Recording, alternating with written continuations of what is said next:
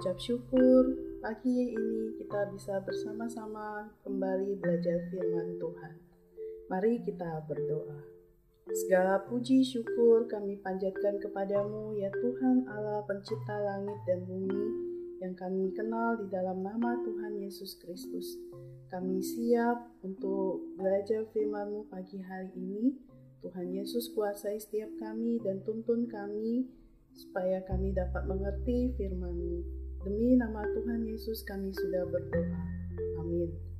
Anak-anak firman Tuhan pada pagi hari ini kita akan baca dari kitab Nehemia pasal yang keempat ayatnya yang ketujuh hingga ayatnya yang ke-21. Ketika Sanbalat dan Tobia serta orang Arab dan orang Amon dan orang Asdod mendengar bahwa pekerjaan perbaikan tembok Yerusalem maju dan bahwa lubang-lubang tembok mulai tertutup, maka sangat marahlah mereka. Mereka semua mengadakan persepakatan bersama untuk memerangi Yerusalem dan mengadakan kekacauan di sana. Tetapi kami berdoa kepada Allah kami dan mengadakan penjagaan terhadap mereka siang dan malam karena sikap mereka. Berkatalah orang Yehuda, kekuatan para pengangkat sudah merosot dan puing masih sangat banyak. Tak sanggup kami membangun kembali tembok ini.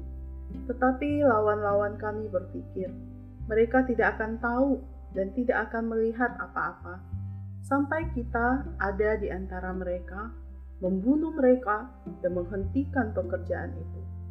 Ketika orang-orang Yahudi yang tinggal dekat mereka sudah sepuluh kali datang memperingatkan kami, mereka akan menyerang kita dari segala tempat tinggal mereka. Maka aku tempatkan rakyat menurut kaum keluarganya dengan pedang, tombak, dan panah di bagian-bagian yang paling rendah dari tempat itu, di belakang tembok, di tempat-tempat yang terbuka. Kuamati semuanya, lalu bangun berdiri dan berkata kepada para pemuka dan para penguasa dan kepada orang-orang yang lain, "Jangan kamu takut terhadap mereka.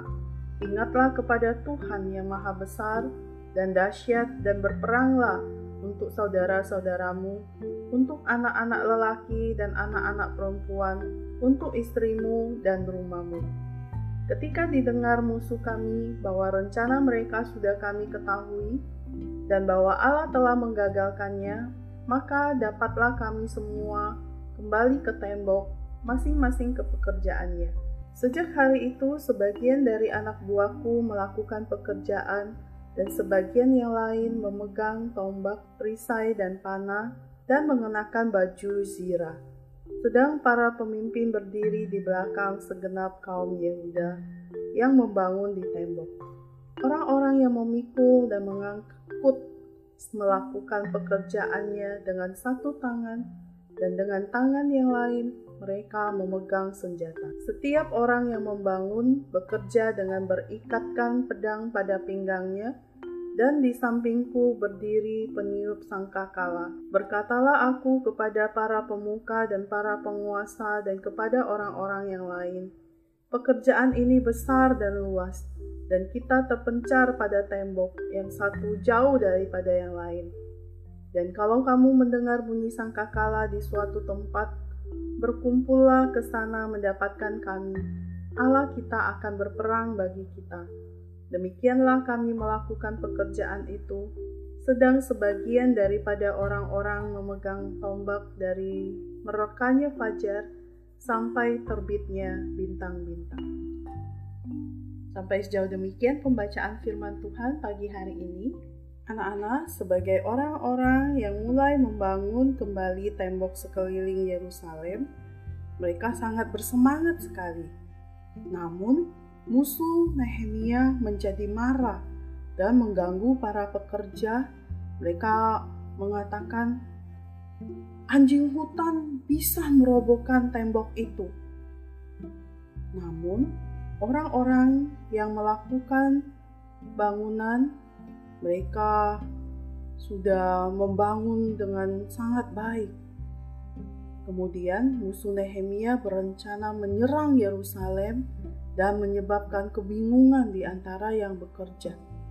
Tapi Nehemia berdoa dan Tuhan membiarkan Nehemia tahu tentang rencana orang-orang itu. Jadi sejak saat itu Nehemia memiliki setengah orang-orang yang membangun tembok sementara separuh lainnya berjaga-jaga ketika musuh nanti akan datang mereka siap untuk melawan mereka. Anak-anak, bagaimana kita bisa tidak dikalahkan oleh musuh? Anak-anak, musuh akan selalu mencoba segala cara agar kita tidak melakukan panggilan kita sesuai dengan apa yang Tuhan kehendaki. Musuh itu selalu mencoba untuk menghentikan pekerjaan Nehemia dengan dua cara. Pertama, mereka punya orang-orang untuk merencanakan serangan terhadap orang-orang yang bekerja. Orang-orang yang tidak mengasihi Tuhan ini dapat menghambat dan menghalangi pekerjaan mereka bagi Allah. Kedua, mereka mencoba untuk mencegah Nehemia dan orang-orang yang bekerja membangun kembali tembok Yerusalem. Kekecewaan dapat menghilangkan energi dan antusiasme kita untuk berbuat baik. Itulah yang para musuh Nehemia lakukan. Bagaimana cara Nehemia menangani hal tersebut? Apa yang Nehemia lakukan untuk menangani serangan musuh? Mari kita perhatikan. Di dalam ayat yang ke-9, hal pertama yang Nehemia lakukan adalah berdoa. Dan Tuhan menjawab doa Nehemia dan membantu Nehemia mencari tahu tentang rencana musuh.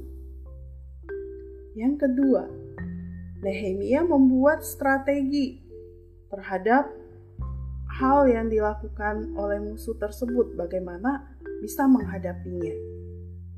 Dia menempatkan orang-orang di bagian-bagian yang tersembunyi, siap siaga menghadapi serangan musuh, dan dia memastikan bahwa mereka tidak akan tertangkap basah dan mereka siap beraksi setiap saat. Yang ketiga, Nehemia melakukan hal yang praktis di dalam ayat 13 dan 16. Dia menempatkan penjaga bersenjata di sekitar para pekerja. Jadi ada yang bekerja, ada yang bawa senjata yang berjaga-jaga di sana. Kemudian yang terakhir, di dalam ayat 19 sampai 20 Nehemia mengerti pentingnya persatuan.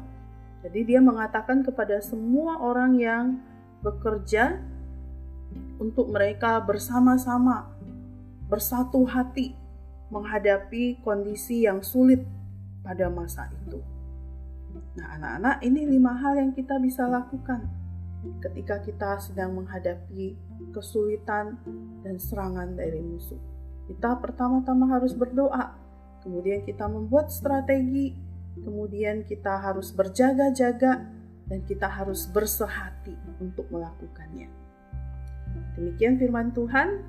Ayat renungan buat kita hari ini dari ulangan 31 ayatnya yang ke-6. Kuatkan dan teguhkanlah hatimu, janganlah takut dan jangan gemetar karena mereka. Sebab Tuhan Alamu, dialah yang berjalan menyertai engkau. Ia tidak akan membiarkan engkau dan tidak akan meninggalkan engkau. Mari kita berdoa.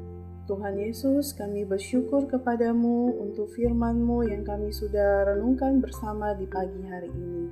Sertailah kami, tolong kami untuk kami selalu berkemenangan di dalam Tuhan Yesus yang selalu menopang dan menolong kami. Terima kasih Tuhan Yesus, kami serahkan hari ini ke dalam tangan-Mu. Beri hikmat bagi kami untuk belajar dan mengerjakan tugas kami dengan baik. Demi nama Tuhan Yesus kami sudah berdoa. Amin. Bersama Yesus, aku bisa.